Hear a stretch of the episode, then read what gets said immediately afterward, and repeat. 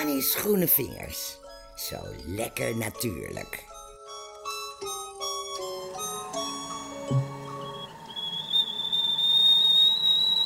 Ik heb ze een paar dagen geleden geplukt en ik ben er nu thee van aan het zetten. Goudsbloemblaadjes. Bij mij in de tuin staan er een hoop. De goudsbloem dat is een eenjarige plant en hij kan zo'n 20 tot 50 centimeter hoog worden. Die oranje-gele vrolijkerts die bloeien van juni tot oktober. En in een mild klimaat bloeit en groeit hij het hele jaar door. Die goudsbloem die heeft het echt naar zijn zin op een schrale, zonnige plek en dan gaat hij zich spontaan uitzaaien. Wacht even. Eerst even mijn theetje drinken.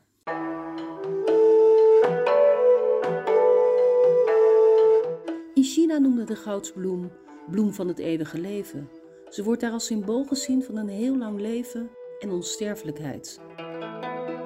In India is de bloem verbonden aan Krishna en wordt daarom vaak in godinnentempels gebruikt. Er zijn heel veel mythen over de goudsbloem. Zo is er de mythe van Afrodite. Ze was ontroostbaar over de dood van Adonis. Ze huilde tranen met tuiten. En op de plek waar tranen de grond raakten, zijn goudsbloemen ontstaan.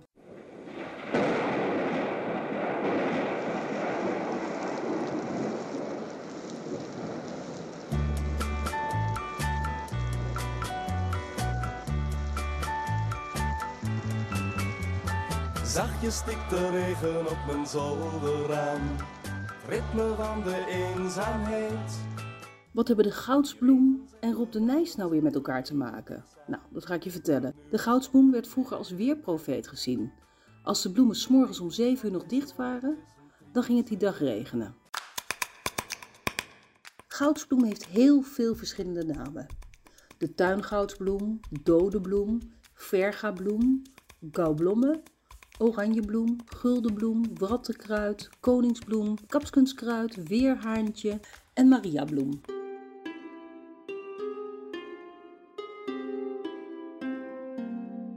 Volgens overlevering is de goudsbloem een magische bloem. Het wordt gezien als mannelijk kruid die gewijd is aan de zon en het element vuur. Het biedt bescherming, voorspellende dromen en psychische krachten. Het schijnt dat als je de bloem plukt als de zon op haar sterkst is, dat het goed is voor je hart.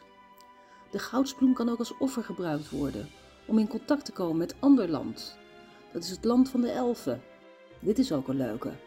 Als je een rechtszaak hebt of er moet iets voorkomen, zoals bij mij laatst, toen ik vond dat mijn auto onterecht is weggesleept, stop dan een goudsbloem in je tas of in je broekzak.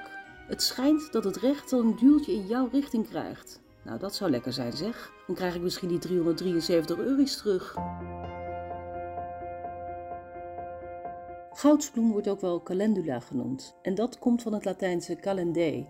En dat is weer de eerste dag van de maand. Omdat de planten dan steeds schijnen te bloeien.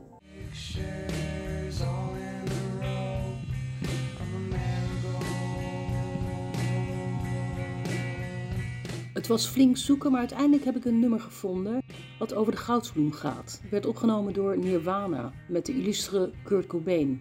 Je weet wel, die grunge band begin jaren 90. Marigold.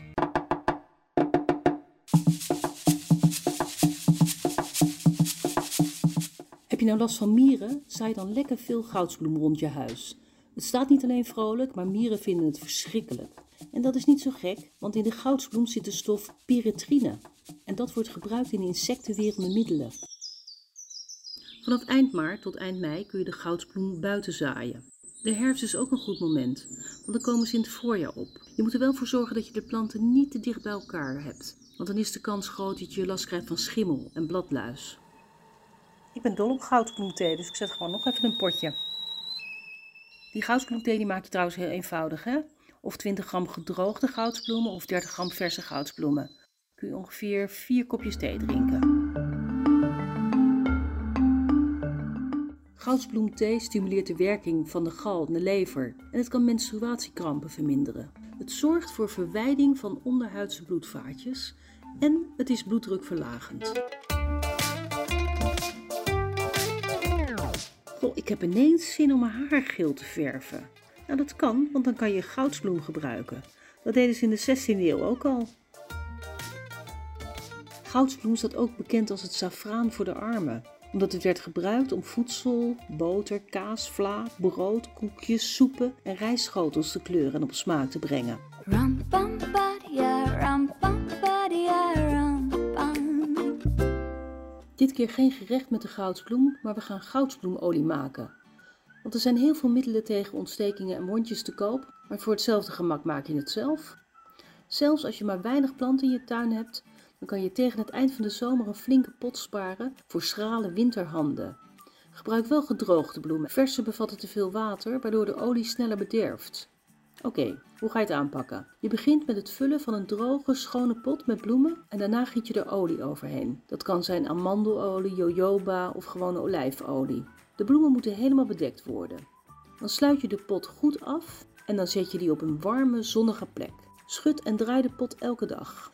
Dan zeef je de olie met behulp van een katoenen theedoek boven een kom. Zorg ervoor dat je al het plantaardige materiaal verwijdert. Pers de laatste druppels olie uit de bloemen, want je wil natuurlijk niets van deze kostbare olie verloren laten gaan. Bewaar de olie liefst in donkere flessen en op een donkere plaats. Zet de naam en de datum van de bereiding op de flessen, want de olie is ongeveer 1 jaar houdbaar. Dit is de elektronische secretaresse van Annie Schoenenvingers. Laat een boodschap achter na de piep. Annie, Annie, Annie, Annie, Annie. Ik ben helemaal enthousiast.